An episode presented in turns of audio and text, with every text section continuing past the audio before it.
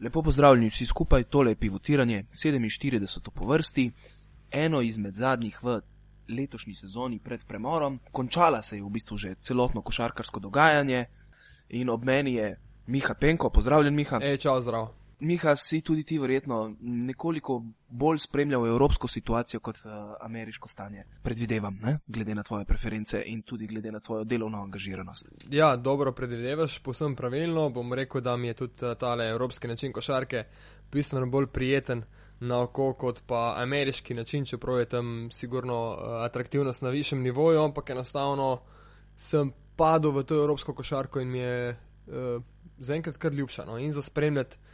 Eh, bolj podrobno, prav tako kot samo igro, več neke taktike, čeprav je tudi v Ligi NBA ogromno, ampak hkrati pa tudi mislim, da eh, nam časovno gre vse skupaj laže skozi, če se osredotočimo malce bolj na evropsko košarko kot pa na, na Ligo NBA.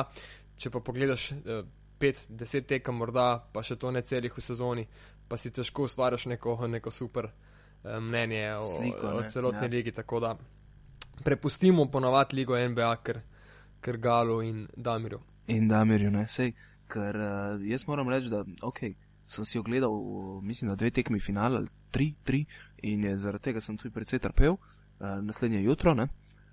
Um, ampak, ja, deva, deva se mi res osredotočiti na to, uh, za kar so se tudi danes brala, se pravi, konec je evropske sezone. Uh, na kratko, če potegnem črto, se mi zdi, da to bila ena sezona, uh, ma res, en bučkoriš od sezone, no, cela mineštra skupaj zbrana, ogromno enih pizdarij se je dogajalo po vseh možnih ligah, dogajale so se tudi presenečenja, uh, labodi spevi nekdanjih velikih klubov in tako naprej. Uh, Kje bova začela? Ja, Mislim, da materijala imamo ogromno. Točno, ne? malo katera liga se je končala v seriji, recimo v finalu uh, s 3 proti nič ali pa 4 proti nič. Mislim, da je bilo v Franciji 3 proti nič. Limož, Limož se je končno vrnil v Euroligo. Ja, sicer pa so ostale lige bile uh, zelo, zelo napete, nekatere še celo proti pričakovanjem. Dobro, tudi VTB liga, kjer je CSK opravil svojo nalogo brezhibno, je, je v bistvu sama finalna serija ni bila tako zanimiva, ampak glede na to, da je prišel do presenečenja že v polfinalu, pa že prej v smislu nižnega Novgoroda, je tudi sam zaključek, sama končnica recimo tega regionalnega tekmovanja bilo, bilo zelo zanimivo. Kar se pa tiče da. Turčije, Italije, Španije, ne na zadnje, eh, Srbije, tudi Slovenije, to so pa vse lige, ki so v bistvu eh, samo končnico sigurno zadele v polno. Meni je žal, recimo, spoh za našo ligo, da se ne igra še na kakšno zmago več. Eh, res, da se te sezone potem razpotegnejo za dober mesec dni. Italijani so recimo zaključili šele v juniju, v Španiji ni bilo bistvene razlike, skoraj da zgolj nekaj dni prej, mislim, da dva dni prej. Tako da so te lige tudi zelo, zelo naporne, ampak je zanimiva je končnica, no tu ni kaj reči drugega. Ja, evo, deva potem kar začeti recimo z enim uh, precej divjo situacijo v Turčiji. Ne? Serija je šla do konca. Uh, tukaj je bil dvoboj, bi se reklo, uh, verjetno enega izmed najbolj obožavanih trenerjev v zadnjem času Željka Obradoviča in na drugi strani enega izmed marsikoga najbolj osovraženih trenerjev. Ergina Atamana, ne, uh, ki je pa nekako v zadnjih sezonah se uveljavil s to svojo divjaško košarko in uh, tudi zelo uspešno pariral v finalu uh, Željko Bradoviču in Fener Bahčeju, uh, na kar so se pa potem odločili, da na sedmo tekmo ne pridejo zaradi sojenja. To ni bil edini primer. Že pred leti je podobno potezo potegnil recimo Hemofarm po tistem pretepu v Srbiji, mogoče so mu dotaknili, mogoče tudi ne, rajši bi bil, da celo ne, ker Uh, Mislim, da glede na situacijo Partizanov se bomo kar mogli dotakniti, no? oziroma bo na nek način prijateljena tudi do, do Srpske lige. No, deva, deva potem s Turki začeti. Uh, ja, na koncu sicer je bilo 4 proti 3 za, za Fener Bahče, ampak kot za si, zeleno mizo. Kot si omenil, zadnja tekma je bila registrirana z 20 proti nič za moštvo, ki ga vodi Željko Obradovič. Enostavno so pri Garata Saraju že po peti tekmi napovedali, da se sedme ne bodo udeležili, ukolikor bo sojenje takšno, kot je bilo. Imeli so ogromno očitkov, imeli so ogromno očitkov tudi na to, da zveza in sodniki niso kaznovali določenih potez uh, uh, strani košarkarja Fener Bahčeja. In kljub temu, da so potem šesto tekmo dobili doma za osem točk, na mislim, da je bil torek, se na četrtek res niso pojavili v Fenerbahči Ilker Sport Areni. Uh, marsikdo je, je, ja, načelnost, ampak marsikdo je čakal za res do zadnjega, uh, kot da bi se malce špekuliralo in samo pritiskalo na, na sodnike, ampak Ergin Ataman je držal besedo in uh, enostavno se je na zadnji odločilni tekmi in odločujoči hkrati, hkrati ni, ni pokazal. Uh, Galata Saraj je s tem tudi v bistvu že napovedal neke določene spremembe v, v samem igralskem kadru, ker nekaj imeni na izhodnih vratih. Zaenkrat med novince štejemo, štejemo Kerema Genuma iz Anadolu Efesa, uh, izkušenega veterana, ki je bil takoj na odstrelu, ko je Efes prevzel uh, Dušan Duda Jukovič. Tako da uh, bo ta. Mislim, da je Keren Gonlo verjetno bil eden tistih, ki je v tisti epizodi od Rakočeviča v podrobnostih dvigoval roko, naj se ustavijo pri laufanju. Bi kar rekel, da je najbrž to, ja. Uh, tudi Martina Spočius no, je med novinci pri Galata Saraju podpisal je ena plus ena pogodbo, kjer bo dobil 600 tisoč na sezono, po nekaterih informacijah.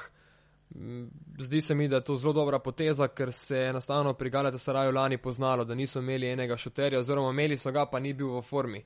Uh, Henry Domerkent je lansko sezono mm. odigral dokaj skromno in mislim, da bo en Počius, če bo v formi, uh, znal odigrati zelo, zelo v redu uh, košarko v tej ekipi, kjer bo, kot kaže, Ro še vedno playmaker. Uh, Čakaj, kako se je pa izteklo zdaj z Galata Sarajem in Euroligo? Kako to misliš, oni igrajo v Euroligi? Tako, tako. Ja. Ne, vem, da so bili v pogajanju tudi za licenco. Ja, uh, te licence so bile postavljene tako ali tako že prej. Ne? In v bistvu se kaj ja, ja. dosti te zadeve niso spremenile v, v zadnjih tednih, kar se tega tiče. No? Bilo je pač vprašanje za zvezdo, uh, pa potem je v bistvu predvsem veliko prahu dvignilo neodeleževanje uh, oziroma neuvrstitev Partizana v, v kvalifikacije na našem področju. Je pa ja, Galata. Ja, kar se teh kvalifikacij tiče, ja. je zgodba zanimiva, glede na to, da je zdaj še Levski ven izpadel, ki, ki naj bi bil kot stabilen klub noter. Točno ne? to, ne.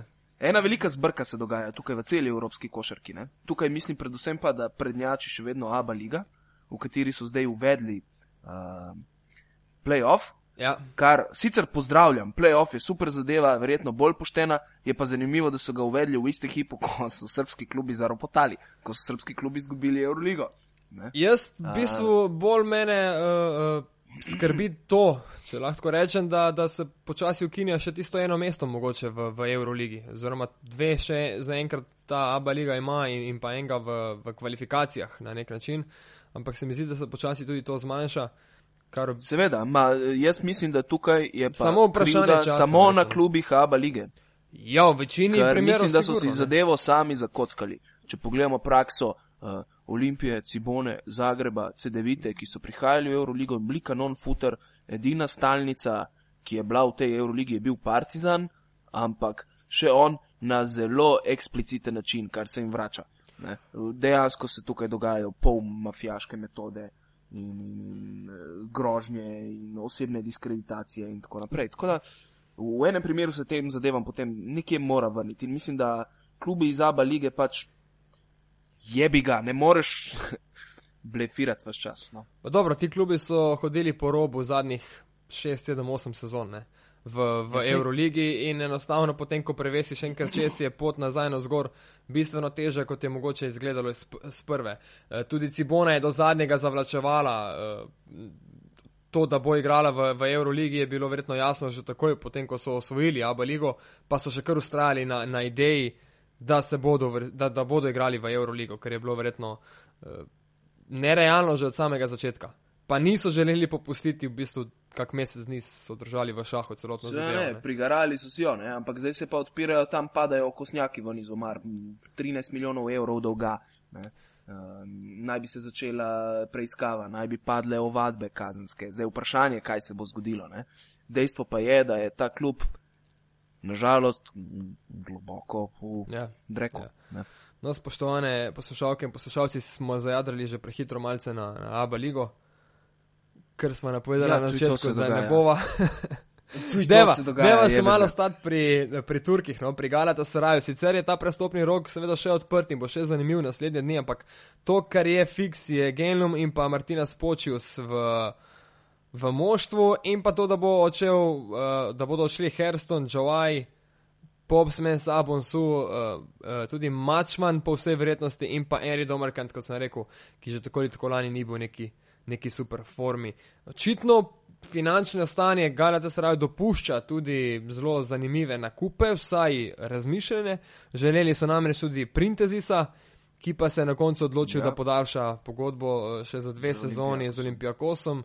V dveh letih bo dobil 1,3 milijona, kar mogoče niti ni največji denar, če vemo, da je recimo en Nick Enner Medley za 2 milijona dolarjev sicer za dve sezoni prestopil v Astano, v Kazahstan da se mogoče tudi zamikajo določene, določene zadeve v, v tej smeri. Ne. Eh, sicer pa eh, sam prvak Fener Bahče uh, bo očitno močno spremenil ekipo. Ne tukaj, kot kaže, ja, bo, bo. Pri Fenerju se je začela resna rošada. Ne? Resna, ne, resna. Želani v bistvu je, je imel Obradovič neke svoje ideje, pripeljal določene košarkere za, za velike finančne, finančne sredstva. Se marsikje tudi opeku. Ja, ustrajal je z, boja, z bojem Makelebom, ki pa je trenutno uh, prosti igralec. Špekulira se, da bo šel v NBA. Špekulira se v vseh možnih variantah, star je 29 let, uh, bil je dvakrat na Final Fouru, bil je prvak v različnih državah, tako da ima neke izkušnje, sigurno. Uh, ampak meni je zanimivo, da je Fender zdaj ostal brez klasičnega organizatorja igre. Pripeljali so Rikija Hikmana za dve oh. sezoni. Za približno 3 milijone dolarjev na dve sezoni, uh, Kikman je bil lani tudi, mislim, v prvi peterki Eurolige, uh, Uh, želel ga je Olimpijakos, pa na tine kos, uh, odigral dve super sezoni pri Makabiju. Njegova zgodba je tako ali tako zelo zanimiva. Ne? Iz preteklosti, ko je igral v italijanski, finski, romunski ligi, ligi ja. uh, bil praktično, se ne vem, če je to apartma oziroma stanovanje, v nekih luknjah je živel, no, dobesedno, uh, ampak mu je enostavno uspelo, uspelo priti ne samo do vrha, ampak dejansko na vrh in zdaj lahko uživa bistveno večje ugodje. In pa Andrew Gaudlock, to je pa košarkar, ki je lani sicer odlično igral v Evropskem pokalu za ja. Unix Kazan, ampak tudi recimo kombo, kombo branilec. Ne? Uh, tudi ima rad žogo, rad meče, lani je med 15 in 20 točk tudi več dosegal, zelo, zelo redno v Evropskem pokalu, bil uh, eh, MVP rednega dela tudi VTB lige. Uh, se pravi, bo zelo zanimivo, kako bo to komponiral predvsem Obradovič in kdo bo dejansko tukaj prvi organizator igre, oziroma ali bo še malce pogledoval po trgu, ker, vsaj po mojem mnenju, nekih super organizatorjev igre, igre trenutno niti ni. Ja. Teodosič je medtem že podaljšal v CSK, in do tega še pridemo kasneje. Uh, Viktor Sada, ki odhaja z Barcelone, sigurno ni material za prvega playmakerja uh, Fenerbahčeja. Tyrese Rice je medtem podpisal pogodbo s Himkijem in uh, mislim, da je to to. Recimo še Malcolm Delaney no, iz Bajerna, ki je prav tako šel v lokomotiv. Ja, v lokomotiv. Mogoče je tukaj varianta za Nika Kalatesa, ki je uh, kaznovan še vedno v Ligi NBA, še 13 tekem prepovedi ima. To se mu sicer prenese tudi na evropsko stanje, ampak on je recimo eden izmed takšnih, kjer ga jaz vidim uh, v tisti prvi kategoriji playmakerjev v, v Evropi ki bi prišel zraven. Konec koncev je tudi že dal skozi šolo. Možno. Ja. V Panathinaikosu. Ja, to je, to je mogoče ta varianta. No. Oziroma bo Kenan si pahi. Tako kot lani igral na začetku sezone, malce več. Bo pa Fener ostal brez Klejze, uh, Ilka na Karamana, ki je lani presedel na tribuni celotno sezono, tudi Ermis odhaja, vprašanje, kaj bo z Bogdanom Bogdanovičem, ki je še na spisku Ja, vprašanje, če je Bogdan Bogdanovič že samo po teh dveh podpisih, se pravi Hikman in ja, uh, ja. Gaudlok, nekako ne vidim še Bogdanoviča ja. noter. Tukaj je enostavno preveliko kopičenje igralcev. Zelo podobno. Na eni in isti ja. poziciji. Ja. Uh, to je to, sicer bo pa v Turčiji spet ne, imel eno, eno hudičevo dobro zasedbo na dolu Efes.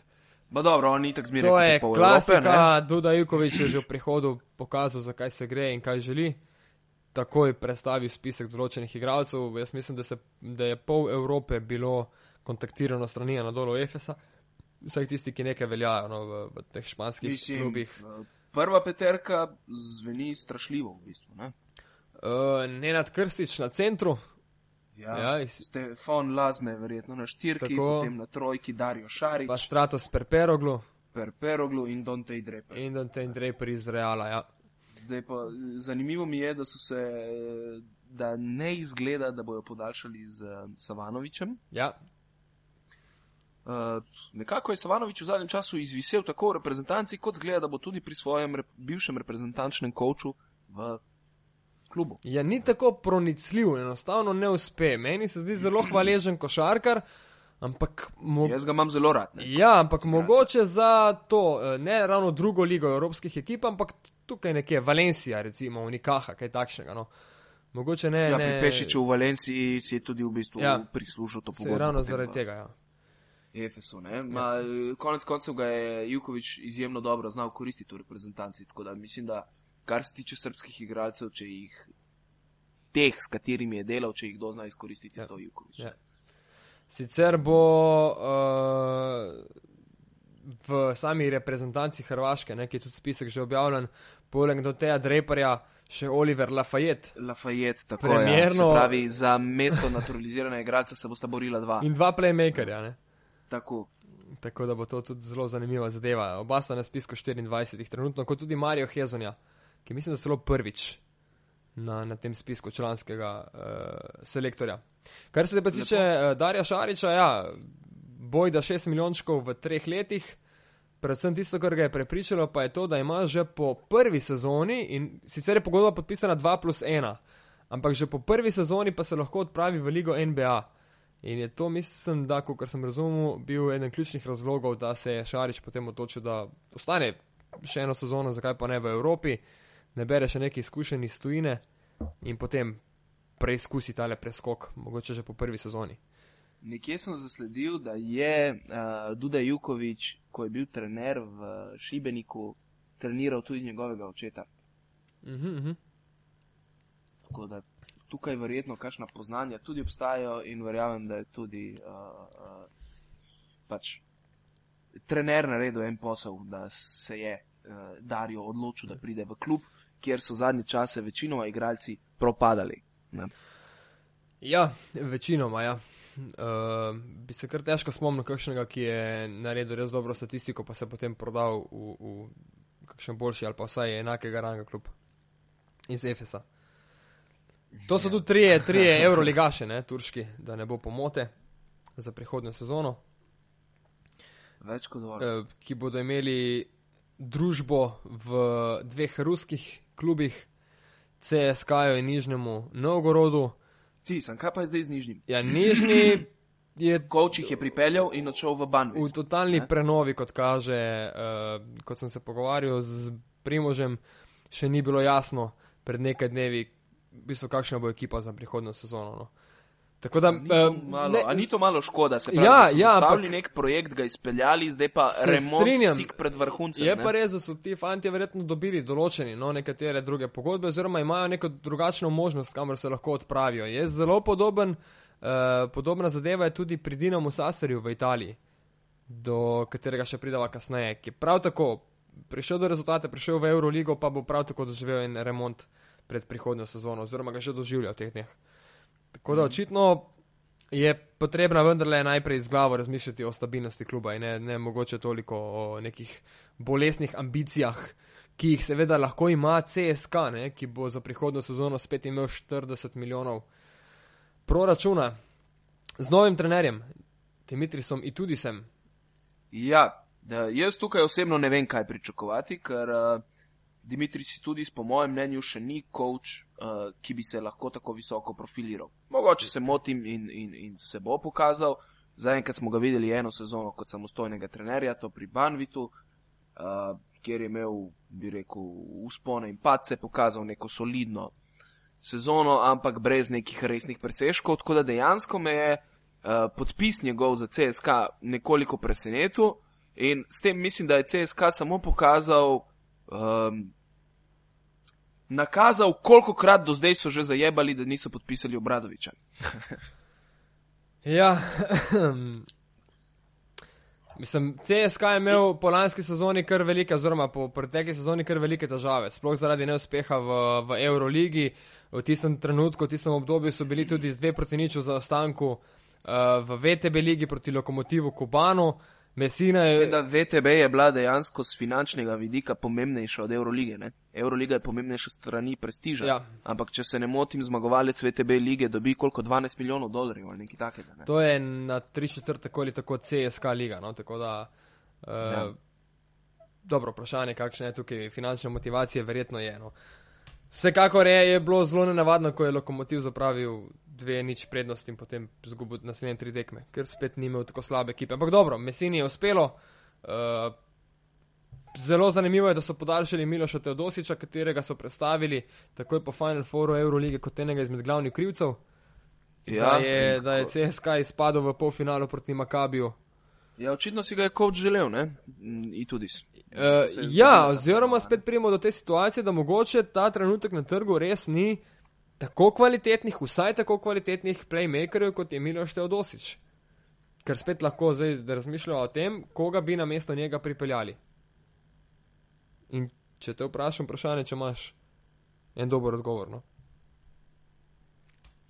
Koliko časa moram biti? Ne, ne ni, ni potreba, ampak enostavno, trenutno se pravim, ni, ni, ni košarkarjev tipa nekoč Runas Sikevičius, tudi v svojem času Dimitri Zdiamantidis. Norih, uh, Teo pa pa takih norih. Teo pa pa Lukas, tudi Jaka Lakovič ne na zadnje. Ne? Takih klasičnih play, playmakerjev, ki, ki bi uh, lahko hitro prevzeli vajeti in bi bili dejansko glavni na igrišču. In, uh, z dvema košarkarjema, ki so jih imeli v ozadju, Jacksonom in pa uh, Pargom, si CSK ni mogel obetati nekaj super super dobrega. Ampak zanimivo pa je še to, ne, da, so, da je pogodba Teodosiča za tri sezone, kar pomeni, da se niso ga zagarantirali zgolj za eno leto, ampak za daljše obdobje. Tri sezone ni, ni mala stvar trenutno v Evropi, ko se podpisuje večinoma dve letne pogodbe. Uh, tudi FS, recimo, tudi klubi, ki imajo finance, se odločajo za dve letne pogodbe, mogoče dve plus ena. Uh, in da so Teodosičo plačo še malce povečali, glede na zadnje, zadnje stanje ki ga je imel ja, v pogodbi. Očitno, očitno so ocenili, da se jim je izkazal. Ne, očitno so ocenili, po mojem, da nimajo, nimajo kaj drugega na trgu. No.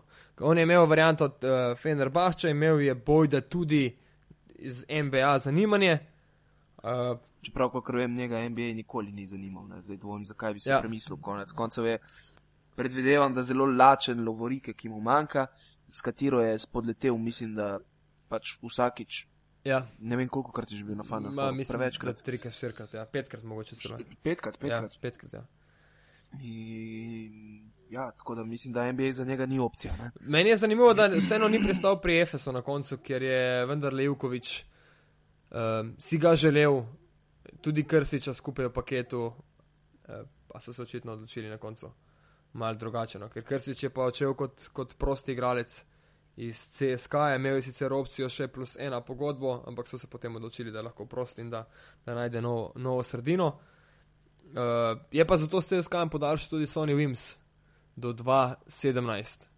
Tudi ena zanimiva zgodba za njim, mogoče ne tako rigorozna kot z Rikiem Hickmanom, ampak košarkar, ki je v Evropo prišel ob uh, lockoutu lige NBA in preko Želgirisa, mislim, da potem pristal pri CSK-ju, si je takrat rekel, da bo tukaj pol sezone, mogoče eno sezono, pa bo zdaj, če bo spoštoval pogodbo do 2017, kar je tudi zelo uh, zanimiva zgodba.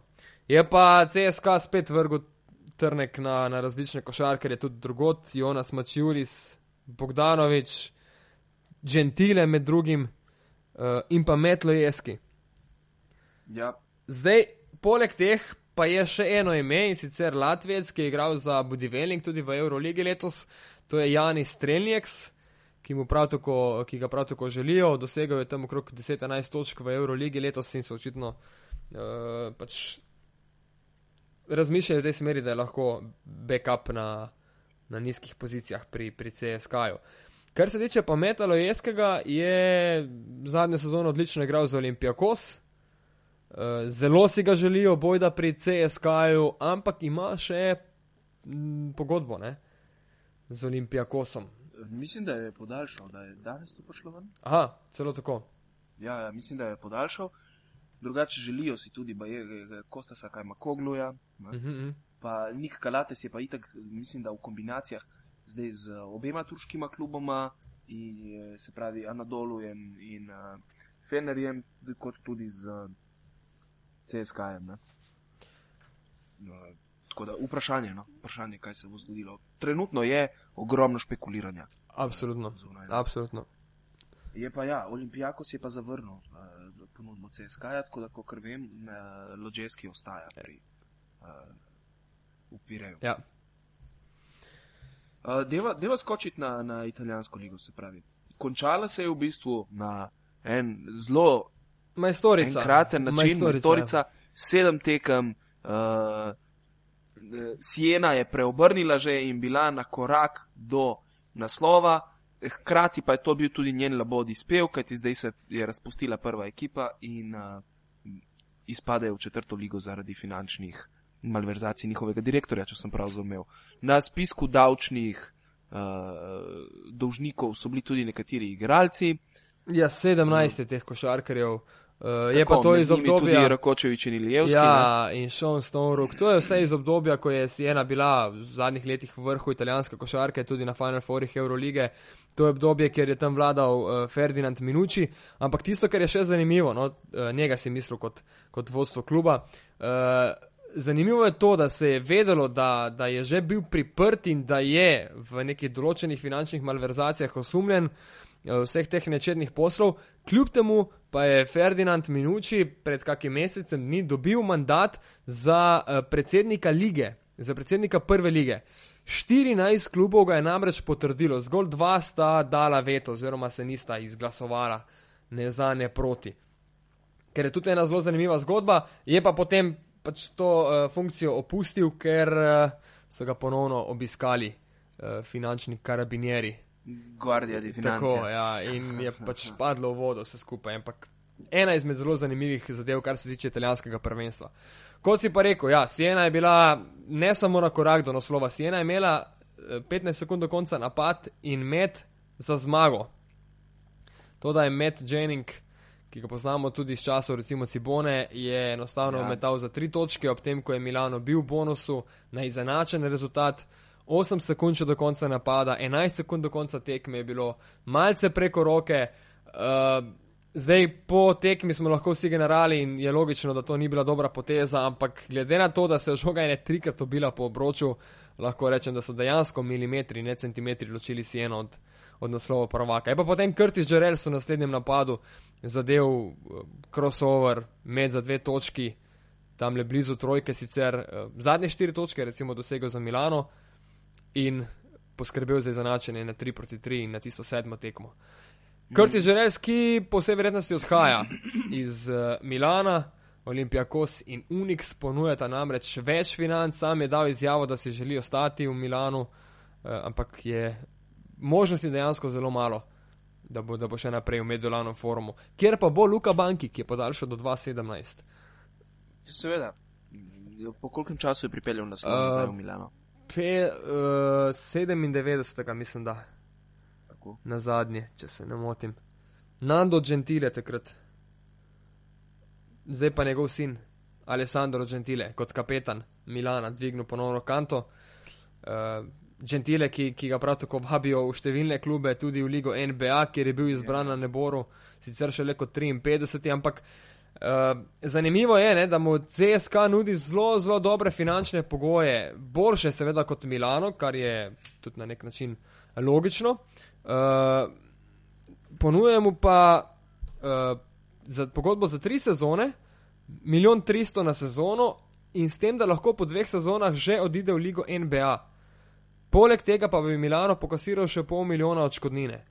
Uh, in kljub temu, da ima MVP italijanskega prvenstva, tudi italijanski reprezentant z Milanom še enoletno pogodbo, zdaj dejansko resno razmišljajo in v Milanu, in tudi on sam, da bi se mogoče odzval na to nespodobno povabilo CSK-ja.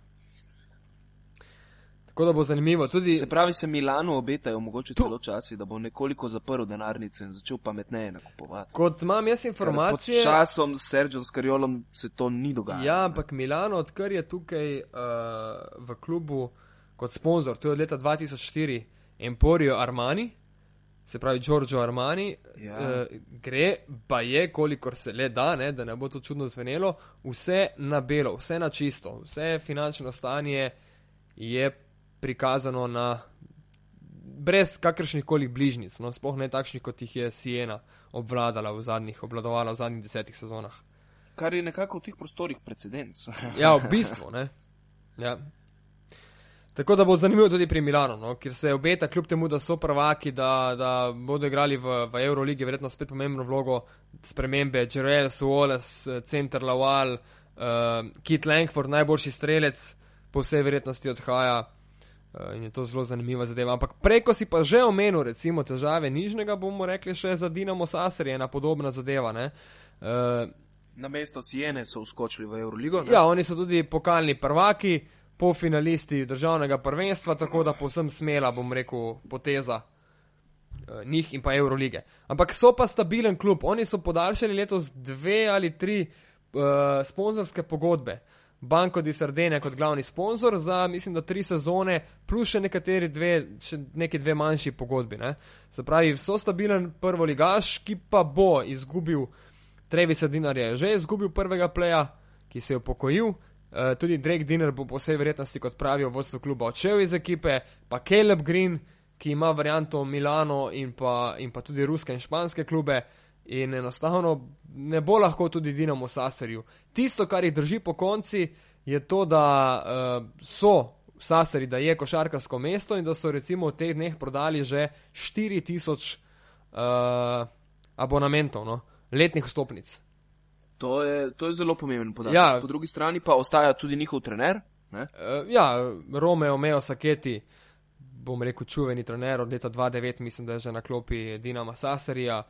Ne pričakujem kaj posebnega od njih v, v Euroligi v prihodnji sezoni. Bo pa lepo zagledati. bo pa lepo Absolutno. zagledati. Meni je Dinamo Sasar izmeraj bil všeč, ker so blazno tekaška ekipa, zdaj za obrambo jih neki dosti niso slišali. Ne?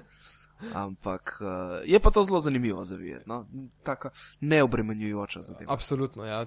Zadeva, kjer vsi mečejo trojke, v bistvu največ trojk na, na, na tekmo v celotni italijanski, italijanski ligi. No, in glede na Jaz bi jim poslal par igralcev iz pistoje. Združena, združena ekipa. Ampak, ko smo že pri italijanski ligi, smo dobila, sva dobila tudi vprašanje na Twitterju glede uh, Jake Lakoviča in njegove sezone letos v Italiji. Uh, njegov R. Avelino se ni tako super izkazal, kot je mogoče tudi Jaka na začetku sezone pričakoval. Moram reči, da so oni kar imeli dosti visoka pričakovanja pred sezono. Lani so imeli eno super serijo v zaključku sezone, mislim, da so dobili 8 od 10 tekem ali nekaj podobnega eh, in so vstopili v tole letošnje leto kar zelo tako, z velikimi apetiti. Zaključili šele na 12. mestu, kar se tiče pa našega Jakata, moramo reči v prvi vrsti, da je igral tako dosti toplo-hladno in da se je v začetku sezone spet zelo, zelo uh, razigral na zadnjih treh, štirih tekmah, mogoče spet okrog 20 točk na tekmo. Uh, ja, ampak težavo je pa imel predvsem v tem, da je bil ogromno časa in ogromno krat poškodovan. Uh, Ves čas težave s tetivami in enostavno ni uspel, kot je sam rekel, sestaviti dobrih 10 ali pa 14 povezanih dni s treningom in tekmami v red. Tako da je to glavni razlog, da mogoče njegova statistika ni tako bleščeča, kot je bila v pretekli sezoni. Spet pa moramo vedeti, da je kot organizator igre dosegal po 10 točk na tekmo, igral po 27 minut na tekmo uh, in mislim, da bo v prihodnji sezoni on še ima pogodbo z Avelinom. Uh, njegova statistika mogoče še boljša, sploh če bo uspel pozdraviti težave s tetivami. Jaz sem Ja, tudi v enem ja, iz razgovoru z njim ga malo vprašal, kako je bilo in kako je zdržal z relativno skromnimi tujimi košarkerji. Je rekel, jaz sem imel letos bolj kot ne težave sam s sabo, potem pa še z njimi, seveda, v smislu samega, eh, same povezovanja na, na terenu. Ja, pri njemu je pač specifična situacija, ker ni več najmlajši. Ne? In Njegov emšo že kar močno prihaja za njim, je pa tip igralca, ki se nikoli ne špara. Ne? In on je zmeraj vsak trening šel do konca in zmeraj zahteva od sebe maksimum in se tudi na treningih, treninge se loteva vsakega, kot da je finale Eurolige. Ne? Res je, mislim, on. In uh, to se mu zdaj pozna, njegovo telo pač že počasi uh, odreagira na vse te Ja, obremenitve, je- ker jih teže prenaša. Ne? On je mašina, ne? on že 14 dni zdaj ali pa celo več trenira praktično vsakodnevno po posebnem programu, ravno zaradi tetiv, tako da bo on v prihodnji sezoni spet zelo dobro pripravljen. Moramo vedeti, da je on v Italijo, v Avelino lani prišel, potem ko je še igral za reprezentanco na Eurobasketu, letos bo imel to poletje ta počitek, se pravi, se lahko pripravi sam Drugič v sebe. karieri, drugič v E. karieri bo imel uh, reprezentančni počitek. Sam ne. sebe lahko zdaj pripravi v bistvu na najboljše. Zato pravim jaz, da bo v prihodnji sezoni on zagotovo, zagotovo igral, igral še, še bistveno bolje kot v letošnji sezoni. Meni je sicer po eni strani žal, da se ne vrne uh, odigrati zadnje sezone v, v Slovenijo ali zadnjih dveh, treh sezon. Pri njemu mislim, da se nikoli ne veš, ker lahko da ga dočaka ta eh, moment gora na jagodnika in potegne zadevo še naprej. Uh, po drugi strani ga pa tudi razumem, ker recimo, če dam primer, da bi šel v Olimpijo, ne daj Bože, ko bi kaj šlo na robe, koliko bi jih on slišal in imel vsega polno glavo. Ne? Zato se tudi mislim, da ko se je odločalo za podpis pogodbe takrat med Avelinom in Unijo na Olimpijo, čeprav je on dejal, da so eh, finančni pogoji pri Avelinu bili boljši, jaz osebno tukaj dvomim, mislim, da enostavno se je zavedal, kaj prinaša vse to skupaj in da verjetno epizoda pri Olimpiji niti ne bi bila tako uh, ljubeča, kot Ma, radi idealiziramo. Ne? dobro, ne podcenjevati italijanskih klubov, kar se tiče finančno. Ja, m, nekoliko jih lepo cenim. No. Pa ti priporočam, Ker vem- pa ti priporočam, vem, da pa ne. strani, vem, da z druge strani tudi, uh, recimo, je bila ponudba Olimpije takrat Premajhna. mogo, premajhna, No. ampak nerealna glede na finance Olimpije. Pa verjetno tudi to malce razmislil o tem. tako da. Deva pustiti finančno stanje raje za kakšne druge zadeve uh, in tudi italijansko ligo mogoče. No. Siena se pač žalostno poslavlja zgoraj v četrto ligo, ampak mislim, da bi znali oni, če bodo Da uspeli čez ponovno, štiri, ja, se vrniti, če bodo ja. uspeli finančno stavje popraviti in postaviti na klub na neke zdrave temelje, se potom- ponovno vrniti v prvo italijansko ligo, ker so tudi navijači eh, stopili zraven k projektu in jih eh, mislim, da bodo spodbujali tudi v četrti italijanski ligi. da Zgolj neko obdobje v zgodovini kluba, ki bo malce bolj sivo, črno obarvano, ampak eh, mislim, da to obdobje ne bo preveč dolgo. Vsaj, če bo ta zanos, ki je veljal v finalni seriji, ustrajal tudi še kasneje. Se zna zgoditi, da res je. Ja. Ja. Konec koncev so košarkarsko mesto, tako da to bi jih lahko nazaj pripeljali. Ja. Škoda bi bilo, da zgubimo enega takega, en takšen klub, kot je bil Siena. Ja, ja. Uh, dejva, dejva pogledati, če evo, zaključila se je tudi španska liga, uh, za mnoge presenetljivo. Uh, zdaj je vprašanje tukaj, pač, ali je bila prej kura ali jajce, se pravi, uh, ali gre to pripisati dvigu forme eh, košarkarjev Barcelone, ali gre tukaj to pripisati padcu motivacije košarkarjev Real Madrida. Diplomatsko je resnica verjetno nekje vmes, je najlepše povedati, in, uh, ampak ja, Barcelona jih je odpikala. Ne? Ja, sigurno, ampak jaz mislim, da paca motivacije ni v, v finalni seriji, tudi, Sploh ne za El Clasico. tudi utrujenosti ne. In ravno to je, ne, da na takšnih derbih praktično ni favorita. Ne glede na stanje, ki si ga ti pokazal v, v rednem delu sezone ali pa večji del sezone, ko prideš enkrat na El Clasico. Videlo se je že na pokalu, uh, kraljevem pokalu Copa del Rey, kako so se zadeve obračale dobesedno v zadnjih sekundah, ko smo vsi videli Barcelono že prvaka, pa je potem, mislim, da Ljul, takrat si isto noro akcijo, če se ne motim, prenesel naslov Realu. Um, se pravi, Ja, malo je zavedla situacija, mogoče polfinalna tekma na Final Fouru, ne, kjer je Real Madrid povozil Barso. Ja, ampak teden dni prej eh, sta prav tako igrala v španskem prvenstvu. Se pravi, to sta dva, Tako, ja. ki se vse čas merita in kjer enostavno eh, odloča tudi dosti kar dnevna forma. Zadnja tekma je šla na dve piki. Eh, Prva tekma je šla na pet pik, vmes je sicer Barca dobila eno za 15 točk, ampak ni tukaj večje razlike. No. Tukaj enostavno kot v, kot v Grčiji, ko je uh, uh, Panathinaikos dobil in pokal in državno prvenstvo, pa vse skupaj, če seštejemo, razen zadnje tekme med uh, Panathinaikosom in pa Olimpijakosom, ni bilo uh, 10 točk razlike na, na, na večjih tekmah skupaj. Ne.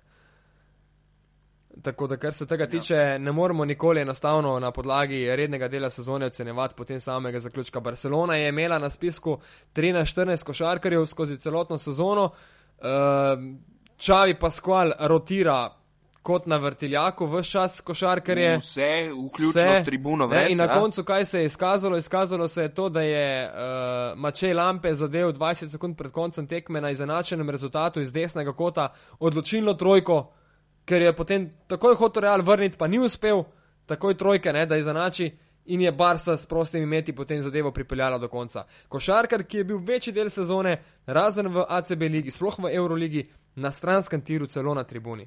Totalno. E, tako da enostavno se je potem ta rotacija tukaj pokazala. Real je bil. Izjemno se je na koncu dvignil sezone tudi uh, Boštjan Nagbar. Odigral je. In uh, mislim, da je odigral, v bistvu, če pogledaš, najboljši zaključek sezone, verjetno v svoji karieri. Absolutno, odigral je uh, fantastično sezono, uh, zato je tudi upravičeno dobil prednost, podpis oziroma novo pogodbo, podpis in sam čestitam mu lahko in vsaka čas, da, da bomo še naprej Slovenci imeli, mislim, da že 12 sezon zapored uh, slovenskega košarkarja v, v Barceloni oziroma v Barceloni. Ja, boli tukaj sicer dejstvo, ja. da uh, se je z njegove strani razumno odločil za reprezentančni pokoj, uh, ampak.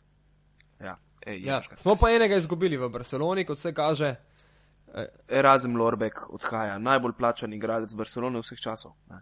Letos se pa nekako ni več uspel dvigniti. Ima še enoletno pogodbo sicer, Eh, tako da zdaj ja. se moraš to malce dogovoriti, ampak ne letos, tudi v lanski sezoni. Dejansko takrat po 2011, ko je imel višek svoje kariere, je močno, močno padel. Imel ogromno, ogromno težav s poškodbami v zadnjih dveh letih uh, in ni bil pravi, enostavno ta investicija v se Barceloni ni izplačala. Takrat je dejansko on lahko razmišljal o ligi NBA, mislim, da v San Antonio Spursih. Uh, zagotovo v tistem obdobju smela, smela številka na, na pogodbi pri Erasmu, ki je bil najboljši košarkar na štirici v, v Evropi in eden izmed najboljših ja, na svetu. Je bil zver, totalno. Ja. Totalno, ja. V letošnji sezoni, pa tudi v lanski, no, pa kot sem rekel. Dobo je, ne, dobo je dovolj priložnosti, ker v bistvu si jo je mogoče celo zaslužil lampe, kakšno minuto celo več, pa je tudi zaradi njega obsedel na tribuni, ampak enostavno na koncu, ko potegneš črto, je, je dosti pričakovano, da je Barcelona potegnila to potezo. Zdaj je vprašanje, kaj bo z Evropskim prvenstvom oziroma svetovnim prvenstvom z Erasmom. Jaz pričakujem, da se bo on ne samo odzval, ampak da bo skušal ravno na podlagi reprezentančnih dobrih iger spet priti med top uh, košarkarje na svoji poziciji v, v Euroligi oziroma Točno v Evropi. To. Jaz mislim, da če mu bo zdravje služilo, se bo definitivno eh, odzval, ker on dejansko to poletje potrebuje reprezentanco. Potrebuje eno konstantno igro in potrebuje to, da si pridobi spet nazaj to samo, samozavest in, in da. Ker v reprezentanci druge alternative ni. Ja. Tako da tle lahko pridobi občutek in uh, spet ima neke svoje številke. Dvojim, da se bo ponovilo sicer recimo Evropsko prvenstvo 2009 na Polskem, kjer je tudi odigral ne briljantno, ampak pač to se redko vidi. No? Ja, izven serijsko. Popolnoma, mislim. Ampak še vedno. Lej. Jaz upam, da bo uspel, mal neumno to zveni, no, oživiti svojo kariero. Njegova kariera je v bistvu pač živa in aktivna in konec koncev je to igralec, ki je še vedno član Barcelone in to ne da je član Barcelone, ampak najboljše plačani igralec v Barceloni vseh časov. Uh, tako da, kar se tiče tega stališča je za njegovo kariero poskrbljeno. Bi bilo pa v redu, da se spet vrne na to neko tekmovalno plat, ki si jo tudi on zasluži. No, se pravi, tole svetovno prvenstvo je zdaj idealna priložnost tudi na teh pozicijah eh, visokih. Naši reprezentanci zdaj ni neke hude konkurence in si lahko uh, vzame in poletje, in pa vse skupaj za pripravo na, na to prvenstvo, in da odigra spet uh, eno super, super prvenstvo, in potem uh, spet išče nek, nek super angažma, uh, ki ga bo iskal tudi še nedavno član Olimpija Kosa Mirza Begič, ne, ki je prav tako v bistvu letošnjo sezono uh, zapravil brez neke hude minutaže in, in sploh neke igre pri, pri Olimpija Kosu. Ja, Mirza bo potreboval res uh, eno močno adaptacijo, verjetno bo individualne treninge uh, uh, imel precej močne preko poletja, ker tudi reprezentančno mislim, da se zaradi tega ni angažiral. Ne? Upam, da bo izkoristil, glede na to, da ga ni v reprezentanci, uh, da je že vnaprej jasno, da, da, bo pa, da bo tam pač Alen Omič na tej poziciji na mesto njega kot naturaliziran košarkar. Uh, Da bo pač izkoristil tudi mir za to zadevo, ker to so fantje, sploh za centre, niso še stari, še daleč od tega, imajo še kar nekaj sezon pred sabo, ki jih lahko odigrajo na vrhunskem nivoju in enostavno je Boki Nagbar lahko tukaj uh, ideja ali pa, ali pa smisel vsega tudi za vse te ostale košarkere, kako se po relativno kakšni slabši sezoni lahko dvigneš, s tem, ko greš igrati eno sezono v Nemčijo, pa potem lepo korak za korakom uh, svojo, svojo kariero ja. postaviš na, na to mesto, da pri 33 oziroma kako je star Boki zdaj, uh, zdaj igraš za Barcelono in, in to fenomenalno neko končnico, dobiš lepo še eno pogodbo, še za eno sezono. Mislim, da vem, kaj je lahko lepšega, kot da zaigraš na koncu karijere v enem takem velikem klubu, kot je Barca. Ne? Ki pa bo Sigur. spremenila ekipo, tudi uh, Viktor Sada odhaja iz Barcelone, uh, prihaja prško ne Justin Dolman in pa Tomas Satoranski, govori se o Mbakveju, ki je letos igral odlično v Rimu. Za Romo. Pa v Nando de Koloju tudi nekaj ja. spekulira. Ne? Tako da so te zadeve še zelo odprte. Kot recimo pri Realu, ne, kjer so podaljšali Pabla Lasa, trenerja, in tako ne bodo vzeli Pjanižanja. Presenetljivo, presenetljivo. Ja, ampak bil je izbran za trenerja v Španiji, ne, za najboljšega trenerja v Španiji, je pa res, da naslovi štejejo ne, in enostavno v zaključkih prvenstev pregori. Mislim, lej, igro, igro so imeli fantastično in, in tri četrt sezone je to izgledalo kot en panzerfaust, ki ga je ne mogoče zaustaviti. Ne se mi pa za to zaključek ja. popolnoma ja. Pogrešali bodo verjetno Mirotič v prihodnji sezoni, ki kot kaže, odhaja, odhaja v Chicago ja, Bulls. In prihaja na mesto njega Nosioni. Zadeva ja, sicer. Mirotič je pa tu izatajil ja. v, zaključku sezone, ga ni bilo ja, nikjer. Ja. No. Uh, Nosioni iz uh, Kahela Boral, kjer bo po vsej verjetnosti trener Marko Krespi, ki je vodil Sieno v zadnji sezoni. No. Ja, ja, še ena zanimivost o Realu, podpisali so ponovno sponzorja. To je Teka, ki so ga že imeli nekoč na dresih, tudi nogometaši, če se spomniš, Raula ja. in kompanije. Uh, dva milijona in pol na sezono za tri leta, to je en milijon več na sezono, kot je uh, dal prejšnji sponzor. In uh, to samo kaže na to, da bo Real naslednje tri sezone spet lahko dejansko si privoščil in sestavljal svoj mozaik po, po mislih in idejah Pabla Lasa, brez večjih težav. Kaj, a do zdaj si ga niso ja, mogli? Je, ne. je. V Španiji ostaja še en slovenc, uh, Zoki, Dragič je podaljšal z Unikaho Malago, kamor odhaja med drugim tudi Vladimir Golubovič. Ena plus ena. Če pogledaš, je kar veliko teh, eh, recimo, rude še pa odšel v NBA. Točno, točno.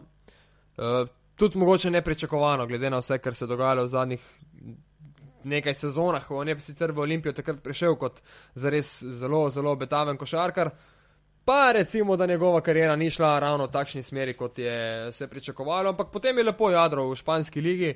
Uh, in v bistvu bomo videli, zdaj, kaj, bo, kaj bo uspel narediti v, v sami ligi NBA. No.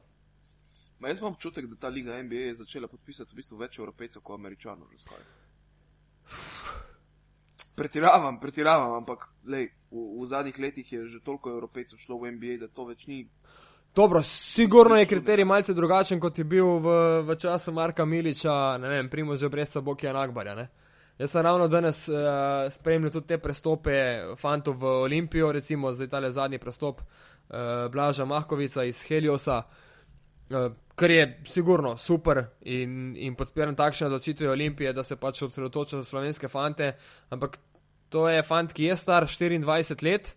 Uh, pri 24 je Marko Milič dal čez ligo NBA, Olimpijo, uh, Fenerbahče, Phoenix, pa mislim, da tudi že Real Madrid pri 4-25 letih. Ne? Ja, sigurno se je on iz 19 šel v NBA. Ja. Sicer brez neke hude kritike na karkoli, ampak to je pač realno stanje trenutno. Uh, Vsekakor ja, pa ja. Je. Jaz, sem, jaz sem zelo zadovoljen, da so podpisali Absolutno. Markovica, za katerega sem si že dolgo časa želel in upal, da ga bodo dobili. Absolutno. Takle imamo.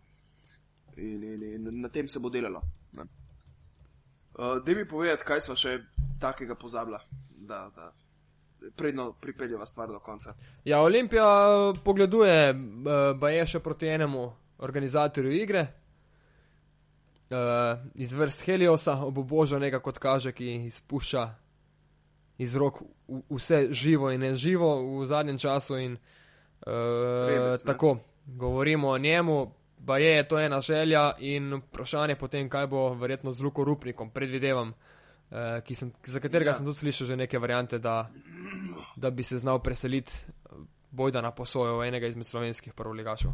Ampak dobro, to je še vse neuradno. In... Na drugi strani je na izhodnih vratih tudi uh, Omič ali Nomič. Uh, ja, sicer direktor Olimpije Mateo Zupančič pravi, da naj Nam počasi, ja, si, ja. počasi ne, ne tako hitro, ampak omenja se tudi v tujih medijih, da je CD-vita zainteresirana uh, kot zamenjava za Jusufa Nurkiča ne, na, uh, pod košem v bistvu no, pri, pri, pri sami CD-viti.